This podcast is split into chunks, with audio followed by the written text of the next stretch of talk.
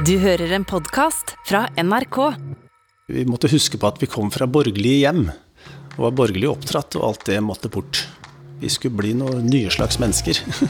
En dansk guru får med seg tusenvis av norske ungdommer på et stort uhjelpsprosjekt for å hjelpe de fattige. Men det fantes ikke ferie eller fritid, og det var felles økonomi. Den reisende folkehøyskolen og UFF Klescontainere får inn mange hundre millioner kroner. Og moro at de tenker på dem som trenger eh, klær. Så kommer anklager om at ledelsen bruker penger på egen luksus, og at ungdommene blir utnytta. Det er et eller annet gærent. Jeg forbinder det med, med hjernevask, og jeg fikk en slags Hitler-følelse.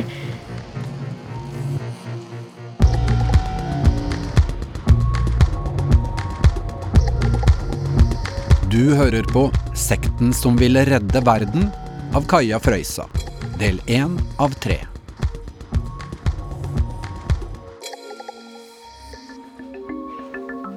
Jeg er på en Amnesty-konferanse i Stavanger om sommeren, og der hører jeg da om noen som kjenner noen som skal på en reisende høyskole i Danmark. Året er 1977. Arnfinn Nygaard er akkurat ferdig med videregående når han hører om en alternativ skole på Jylland i Danmark. I stedet for bøker er undervisningen byttet ut med praktisk arbeid. Så jeg ble veldig overbevist om at dette ville jeg være med på. Han jobber og begynner å spare for å få nok penger til å betale for skoleoppholdet. Og så tror jeg jeg fikk resten fra foreldrene mine i det så vi kom i mål, da. Selv om foreldrene betaler litt av skolepengene, er ikke de like begeistret for sønnens planer. De tenker nok at dette er de skeptiske til. De syns det høres ut som en eh, underlig skole. Men Arnfinn er ikke i tvil. Han melder seg på. Han er eventyrlysten og vil ut og oppdage verden. Det har han til felles med mange andre ungdommer som starter på skolesenteret Tvinn, som driver den reisende høyskolen i Danmark. Tag mig med til dit drømmeland Der hvor man kan drømme med ud i verdens larm Der hvor man kan Der nede på Tvinn så er det masse mennesker. Det er jo sånn sovesaler hvor det kryr av mennesker.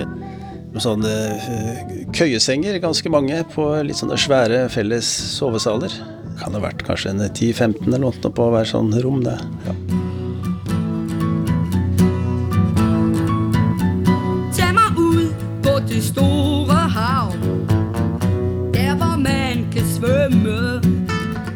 Ting Arnfinn legger merke til, er at mange av elevene og lærerne på skolen ser like ut.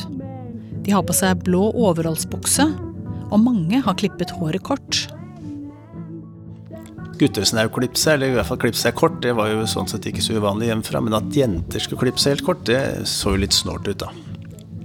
Altså, Hvis man klipper seg kort, så slipper du å få lus i håret, og du slipper å bruke så mye tid på å vaske deg og kan spare penger på sjampo. Jeg hadde relativt langt hår på den tida, og det nekta jeg å klippe av meg. Fordi jeg følte et visst press mot det, både å klippe seg og gå i denne elendige overrollen, som jeg nekta. Men, så jeg følte det var en slags sånn type uniformering. Det er mange regler på skolen i Danmark. De kommer Arnfinn til å bli kjent med etter hvert. Noe av det første han får høre om, er at ikke det er lov for elevene å være kjærester. Dette med parforhold, det mente de var også noe borgerlig lumske greier som ikke var bra. Vi måtte huske på at vi kom fra borgerlige hjem, og var borgerlig oppdratt, og alt det måtte bort. Det at noe er borgerlig, blir ofte sett på som det motsatte av de sosialistiske ideene som Tvinn-skolen styres etter. Vi skulle bli noen nye slags mennesker. På Tvinn ser de for seg at elevene skal være med på å skape et helt nytt samfunn. Ideene er hentet fra noen av de mest fryktede diktaturene i verden. På Tvinn kaller de det en verdensrevolusjon. Elevene på skolen skal være med på å styrte den såkalte eliten og hjelpe de fattige til makten. Kollektivt og solidarisk. Ikke den individualistiske, kapitalistiske, borgerlige eh, verden vi kom fra, da. Tvinn er bygget opp som et strengt hierarki. På toppen sitter den eneste lederen. Og rett under seg har han noen helt få betrodde medlemmer. De fleste av disse er kvinner. Under dem kommer lærergruppa, som kan sammenlignes med en familie, der medlemmene har gitt fra seg retten til egne penger og egen tid for alltid. Han som sitter på toppen av Tvinn-hierarkiet heter Mogens Amdi Petersen, men Arnfinn ser lite til han som de bare kaller for Amdi. Alle kjente jo til han. Eh, Og han ene læreren, han var jo en av de nære medarbeiderne til, til Amdi, da. Så han hadde jo en veldig høy stjerne. Så når han sa noe i plenum, så var det liksom Da var det ikke noe vits i å prøve seg på noe som helst mot han, altså.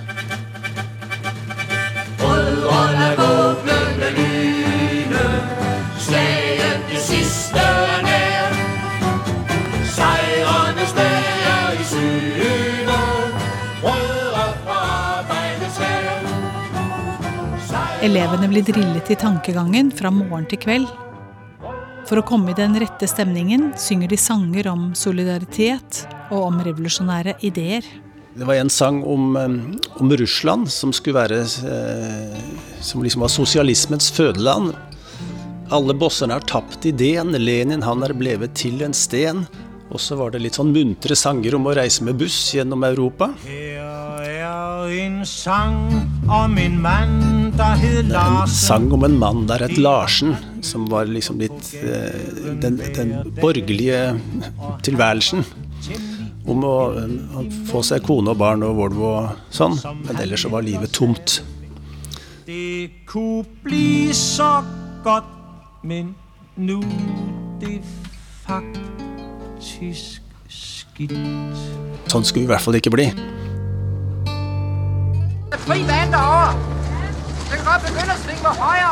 Tvinn har store prosjekter på gang. Tanken er at alle skal kunne gjøre alt. Uavhengig av hva slags bakgrunn man har fra før. Arnfinn skal være med på å bygge det som skal bli verdens største vindmølle. De holder på med denne Tvinnmøllen, som var under oppføring akkurat da.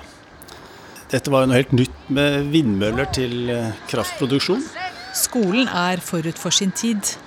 På 70-tallet snakker myndighetene i Danmark om å bygge atomkraftverk for å sørge for nok energi til det danske markedet, mens skolesenteret Tvinn i stedet vil satse på miljøvennlig vindkraft, så de kan lage sin egen gratis strøm. Så var det da vinger som skulle bæres bort til møllen for å så settes på plass der. Og da hadde jo ikke svære maskiner og sånt noe, så vi, vi ble båret av menneskekraft.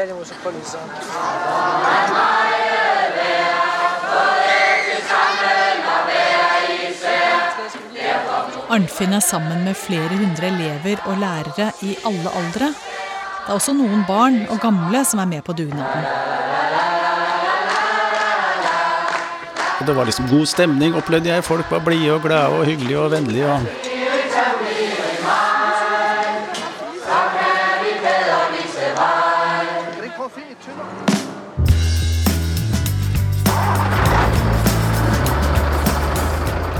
Skolen har også kjøpt inn flere gamle rutebusser som er tatt ut av trafikken i Danmark.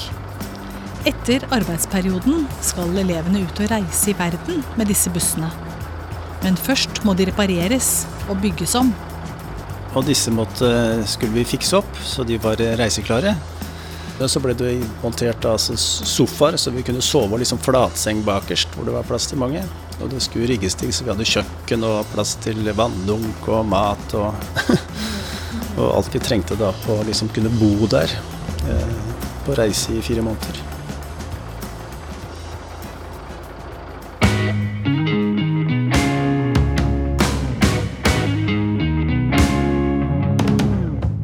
Også i Norge går en gruppe idealister med en drøm om å starte opp en alternativ solidaritetsfolkehøyskole på 70-tallet.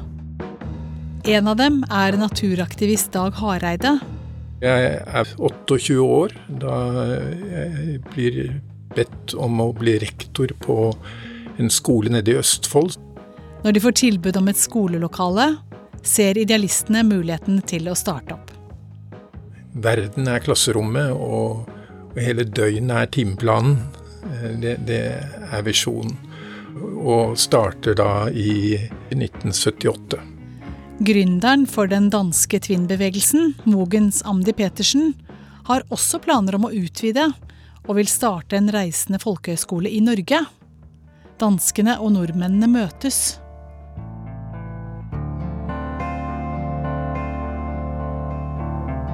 Det var en stor kar som tok plass. Og for så vidt være sånn direkte ikke sant? øyekontakt rett på.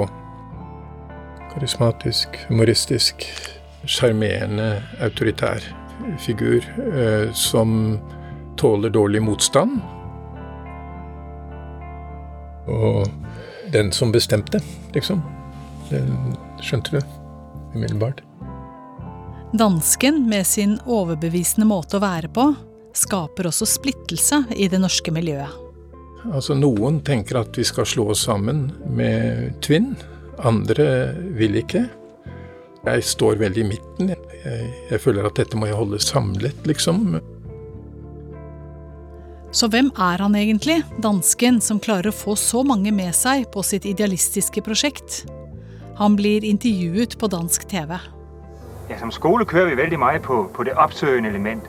Uh, skal vi riktig lære noe, så må vi ut i virkeligheten. Amdi blir ofte sett i en stor islender og svarte tresko. Han er opprinnelig lærer, men ble sagt opp fra jobben han hadde. Han ville gjøre ting på sin egen måte, og nektet f.eks. å klippe håret.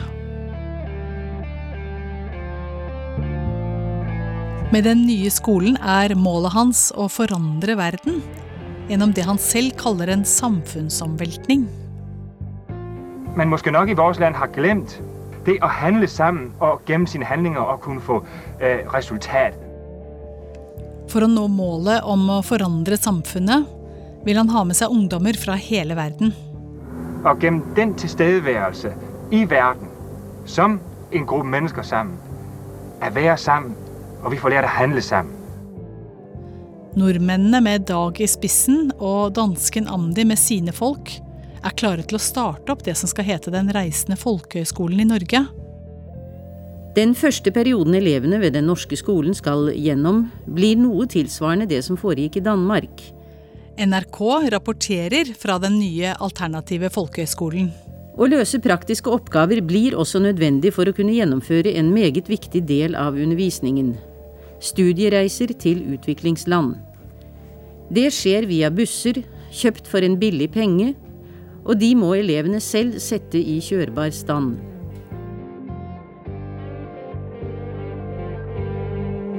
Danskene får snart stor innflytelse på hvordan den norske skolen skal styres. Jeg har en klump i magen, eh, men vi går løs på det. Dag skal være rektor på skolen, men det går ikke lang tid før han kjenner at det er noe som skurrer med Amdis prosjekt.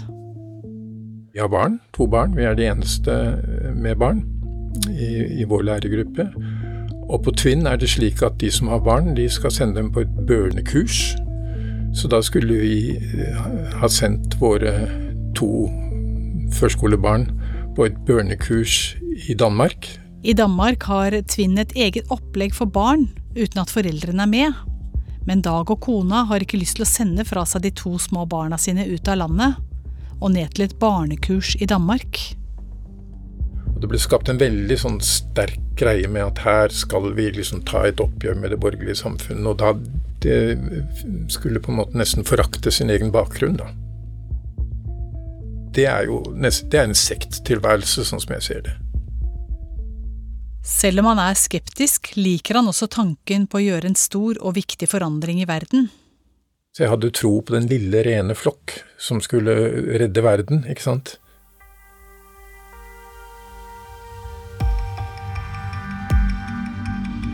På skolen på Jylland i Danmark er det uvant for Arnfinn at han aldri får være alene. For jeg var liksom vant til å ha litt tid for meg sjøl. Det er én regel som gjelder for alle på Tvinn. Ingen styrer over tiden sin selv, og disponerer heller ikke sine egne penger. Det er veldig sånn fravær av privatliv, da.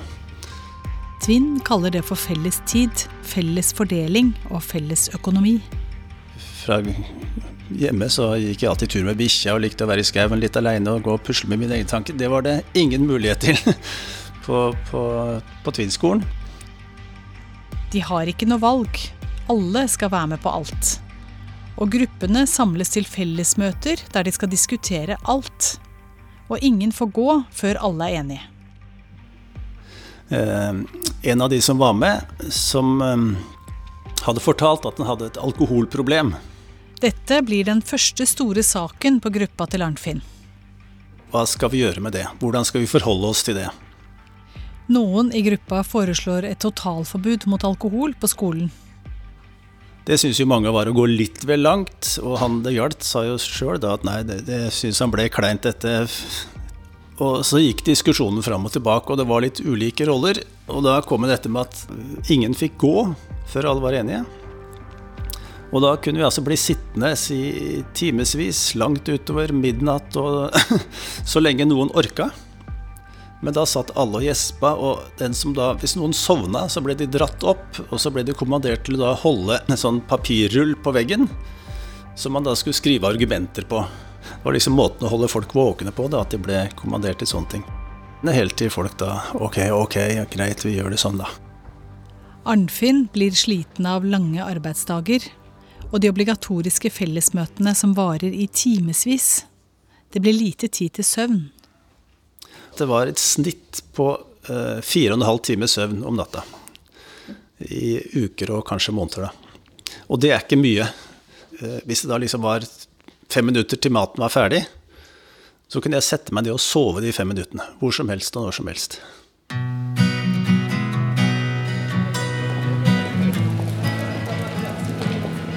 På den første reisen skal de ut og rekruttere nye elever til skolen. De blir delt opp i små grupper og skal farte rundt i Danmark. Vi dro til København. Og der var det sånn at de bare traff altså, tilfeldige folk på gata. Og da var det nok slik at de lette etter folk som kunne se ut som de var sosialklienter. Skolen får nå mye skryt i mediene for sitt sosiale engasjement. De får på plass avtaler med å ta til seg vanskeligstilte ungdommer.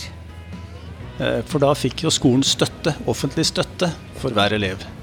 Så jo flere, jo bedre. Så var det liksom sånne folk vi gikk etter.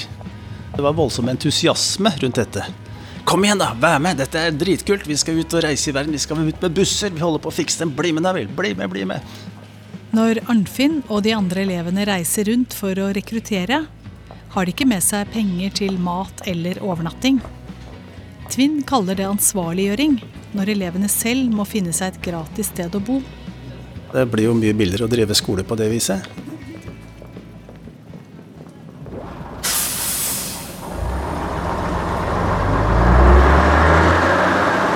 Tre måneder har gått, og nå kommer endelig dagen da bussen til Arnfinn skal sette kursen mot Afrika. Eh, men det viste seg at den ikke var så god stand, så den stoppet etter kort tid. Og så måtte vi ut og dytte og fikk til å gå igjen, og så stoppet den, og så gikk den, og så stoppet den, og sånn, så På bussen er det én lærer og ti elever. De har med seg poteter, kål og gulrøtter for å bruke minst mulig penger på reisen. Bussen stoppa i Tyskland midt på natta. Læreren gir Arnfinn oppdraget å reparere bussen. Her er, her er håndboka, finn ut av det. så jeg satt jo da og glodde litt og bladde litt i denne her, men det, det har jo ikke kjangs i havet. Utpå morgenkvisten så ga han vel opp, da, og så eh, kom vi oss til et verksted som da fant ut her var det topplogget som hadde sprukket, og det var alvorlige greier, og det tok sin tid å fikse dette her, så det Når de endelig kommer seg ut på veien igjen, kjører de videre nedover Europa og ender opp helt sør i Italia. Her skal de ta en ferge for å krysse Middelhavet over til Tunis i Nord-Afrika. Og så skal de kjøre videre mot Algerie.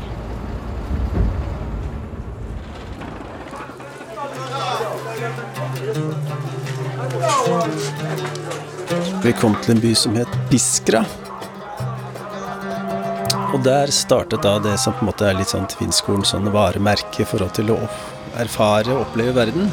Nemlig at vi ble delt opp i små hold, eller grupper, på to eller tre, og skulle da haike rundt. Og så avtalte man et treffsted lenger framme i løypa, da. Målet er å komme seg helt sørvest i Afrika, til Guinea-Bissau. Og for å komme dit må de gjennom Sahara. Elevene skal haike med fremmede. De skal tigge om mat og et sted å sove uten at det koster noe. Var ikke bare bare for haik, men eh, vi traff på noen hvert eh, som hadde bil da, som vi kunne sitte på med. Arnfinn på 19 og en norsk jente på samme alder får haik med en fremmed fyr som skal i samme retning. Det var ikke så veldig pratsom fyr. De setter seg inn i bilen. Og når vi kom fram dit han skulle, og spurte om uh, vi kunne overnatte hos han, så sa han ja, det kan vi godt, men da skal hun være sammen med meg. Så det takka vi pent nei til.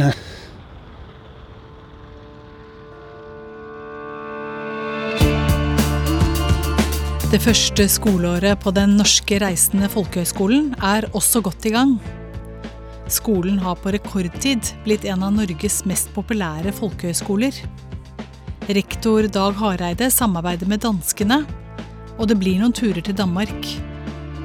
Den vonde følelsen han hadde da han startet, blir ikke mindre når han deltar på noen av de store fellesmøtene på Tvinn. Amdi har byttet ut islenderen og treskoene med fin dress, og lederne kommer til møtene i flotte biler. Det var litt sånn, sånn firehjulsdrevne store, svarte biler som liksom det var litt sånn, sånn litt flotte, da. Kanskje de skulle brukes i spesielle omstendigheter. De, de, tenkte jo på det, da. De hadde dresser for anledninger og for å snakke med folk i banker og sånne type ting. Amdi kommer også på besøk til Norge liksom eh, kommer kjørende opp da med disse bilene sine og, og langer ut noen sånne kasser med mat som de har med seg. Han har med seg noen av sine nærmeste på disse møtene. Det var for øvrig overveiende kvinner. Sterke kvinner. Som tilhørte det hoffet, som jeg vil kalle det. da. Altså, vi fikk en av dem til oss, eh, som var en veldig sterk kvinne, som, som på en måte hele tiden antagelig rapporterte tilbake og, og, og liksom fortalte. Stemningen er ikke god, og det blir noen konfrontasjoner. Jeg syns liksom at de som danske kunne ha litt mer respekt for at det norske skulle få lov til å utvikle seg sjøl, at det ikke ble en form for imperialisme, sa jeg. Og da eksploderte han. I 1979 vil Amdi starte en hjelpeorganisasjon. Han kaller den for U-landshjelp fra folk til folk, UFF. Senere kommer det til å dukke opp gule og grønne kleskonteinere for brukte klær over hele Norden. På forsiden av konteinerne står det UFF med store bokstaver. Nordmenn strømmer til kleskonteinerne i årene som kommer. Nei, noen av det tenkte jeg skulle gå i en UFF-container. Det er noen vesker og yttertøy og litt sengetøy og litt eh, gardiner. Du hører jo om at folk kaster eh, klær med eh, prislappene på som ikke er brukt engang. Klærne som blir samlet inn, blir solgt videre. Og inntektene skal gå til å hjelpe fattige folk i utviklingsland. Og moro at de tenker på dem som trenger klær. I starten er det loppemarked som er den viktigste inntektskilden for UFF. Vi tjente penger på loppemarkedet, og de ble sendt til Danmark. De gikk jo inn i en felleskasse. Pengene de tjener, går inn i Tvinns stiftelse, som heter Felleseie. Det meste av det lærerne tjener, går også inn her.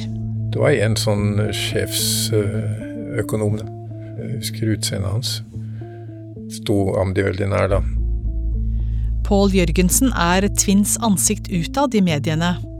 Han skal senere bli dømt til ubetinget fengsel for grovt underslag for Tvinn. Så vi, vi hadde lite eller ingen innsikt i, i hvordan pengene ble brukt. Nå begynner det å gå rykter. Mange lurer på hvor pengene Tvinn og UFF tjener blir av. Det er spekulasjoner om at pengene blir plassert på hemmelige kontoer i utlandet.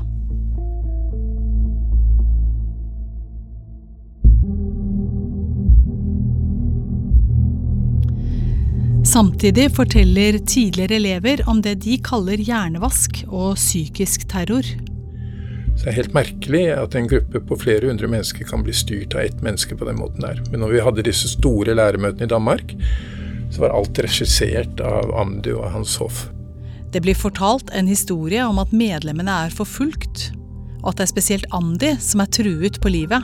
Men, men, det var jo veldig tydelig mønster. altså Du skal ikke være mye av en sosiolog eller antropolog for å se mønstre. Han forteller bl.a. om at han har blitt skutt etter, Alle personer og biler som kjører inn og ut av Twins område, blir grundig kontrollert. Medlemmene får høre at Andy har vært utsatt for et attentat.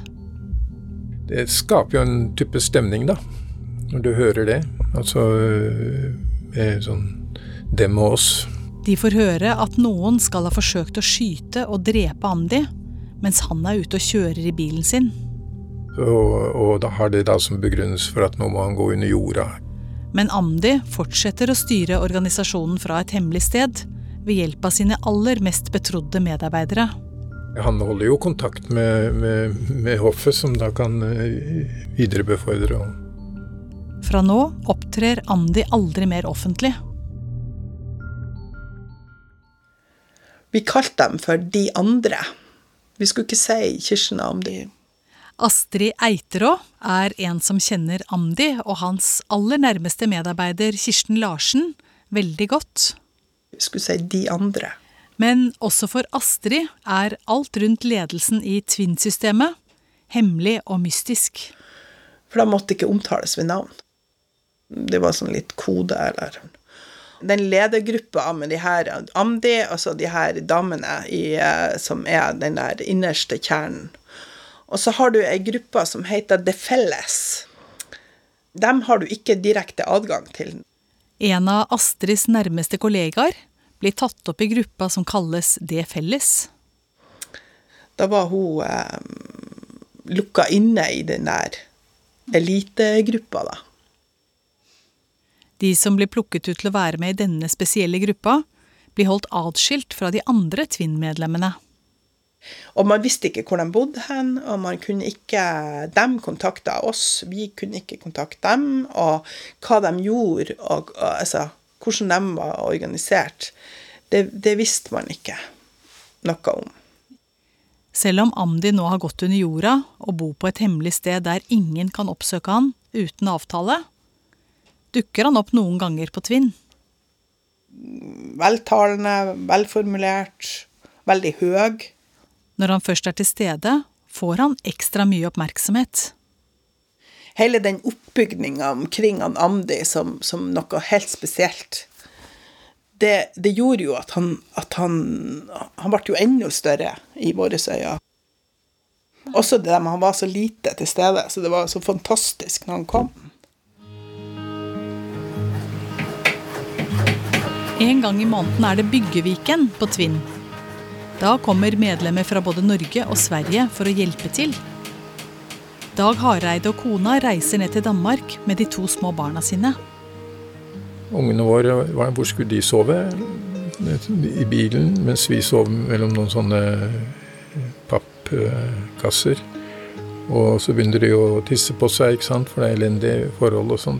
Det begynner å bli vanskelig for Dag og kona å være med videre. Så da drar Ellen med ungene hjem. Og da har vi egentlig snakket oss fram til at nå er det slutt. Jeg kan ikke lenger stå for dette. Dag Hareide bestemmer seg for å trekke seg ut, og heller la andre overta den norske Tvinn-skolen. Det skjer ting eh, som, som, er så autoritært i forhold til elever og andre lærere at, at dette kan ikke jeg være leder for.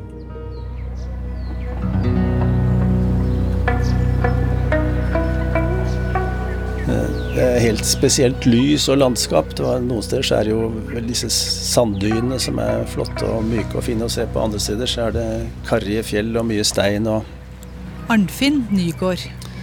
Og så er det noen oaser innimellom.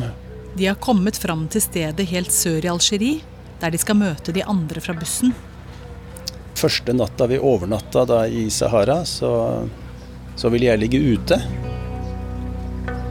Så mørkt det blei, fantastisk stjernehimmel.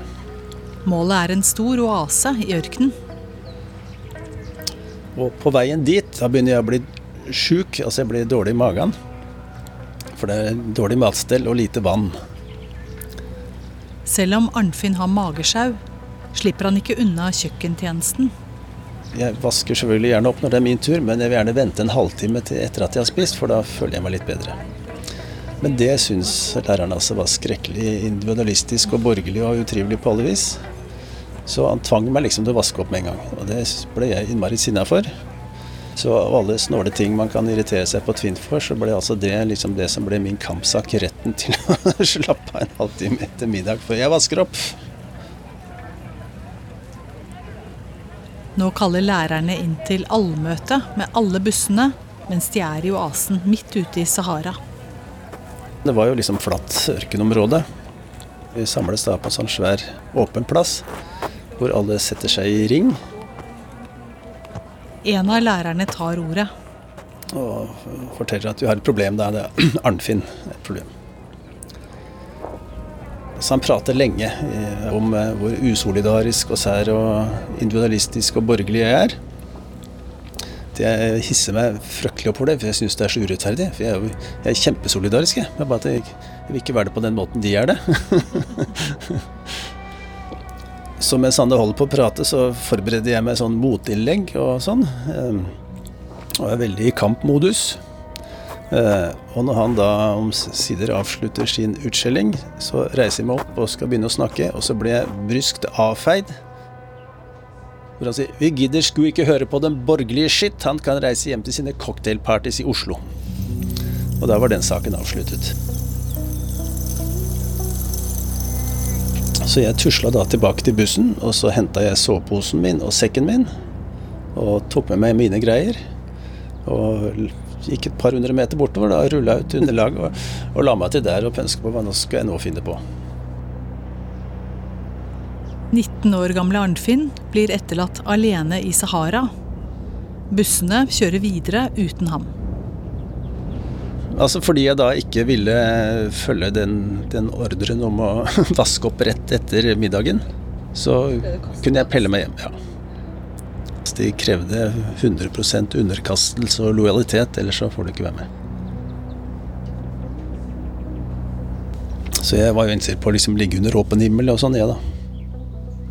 Han får haik og kommer seg inn til storbyen Kano nord i Nigeria. Han er magesyk og dehydrert, og vil bare finne seg et sted han kan få lagt seg ned. Så er det mer en sånn enormt område som en slags sånn offentlig søppel- og latrineplass. altså. Som ser veldig ulekkert ut. På en åpen plass like utenfor byen legger han seg i soveposen sin. Men det er også da like ved baksiden av et svært hotell.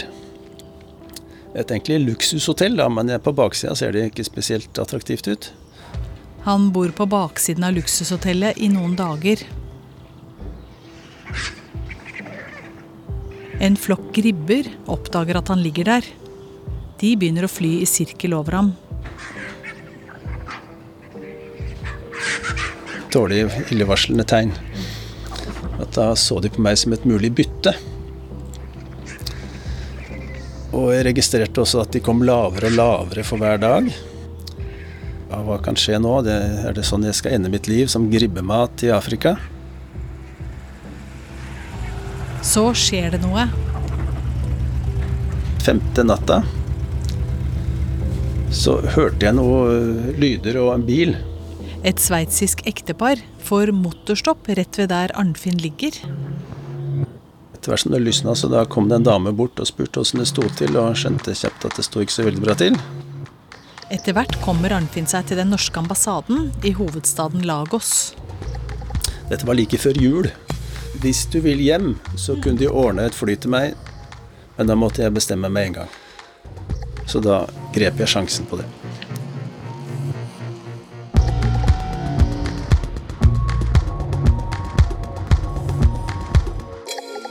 Du har hørt første del av Sekten som ville redde verden. Følg historien videre. Jeg husker at jeg hadde et rom, et madrassrom som jeg hadde funnet på hotellet, som jeg brukte å gjemme meg helt innerst. For der fant de meg ikke. Denne dokumentaren er laga av Kaja Frøysa. Lyddesign ved Kjetil Hansen. Produsent Line Alsaker, prosjektleder Kjetil Saugestad og redaksjonssjef Ragnhild Weire. UFF, U-landshjelp fra folk til folk, har ikke ønsket å medvirke i denne dokumentaren. Det har heller ikke Tvinn-bevegelsen i Danmark. En podkast fra NRK.